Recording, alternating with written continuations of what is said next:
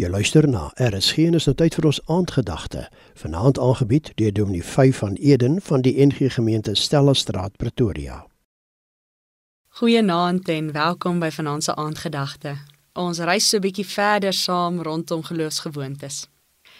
In sy brief aan die jong gemeente van Tessalonika gee die skrywer die volgende opdrag: Bid gedurig. In Efesiërs 6 vers 18 kry daardie gemeente dieselfde opdrag: Bid gedurig. Hierdie teks het vir my lank besig gehou. Vir baie jare in my lewe het ek aan gebed gedink as net 'n verbale ding.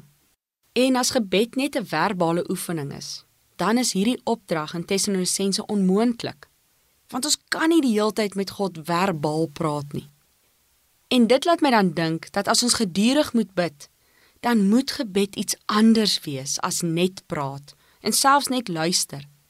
Vader Richard Reer sê Pray always can't mean talking, but rather a state of consciousness, which in a way is much harder to maintain.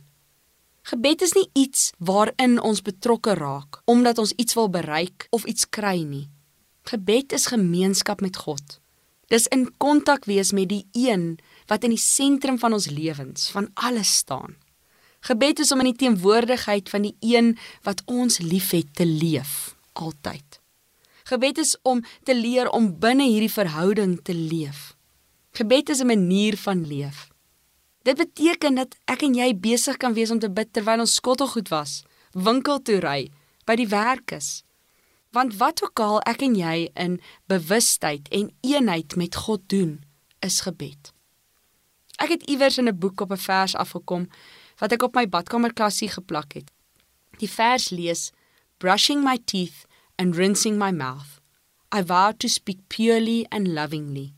When my mouth is fragrant with right speech, a flower blooms in the garden of my heart. Met hierdie vers voor my het tandeborsel vir my 'n gebed geword. Elke maal as ek voor my badkamer spieël staan, vra ek vir die Here om my bewus te maak van my woorde en my te herinner aan die krag wat my woorde het. Ons sou vir ure, dae lank oor gebed kon praat.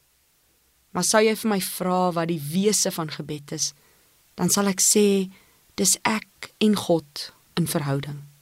Dis praat en luister en wees. Dis 'n manier van wees wat my met God en ander verbind. Mooi aand vir jou. Die aandgedagte hier op RSG is vanaand aangebied deur Dominee 5 van Eden van die NG Gemeente Stella Straat, Pretoria.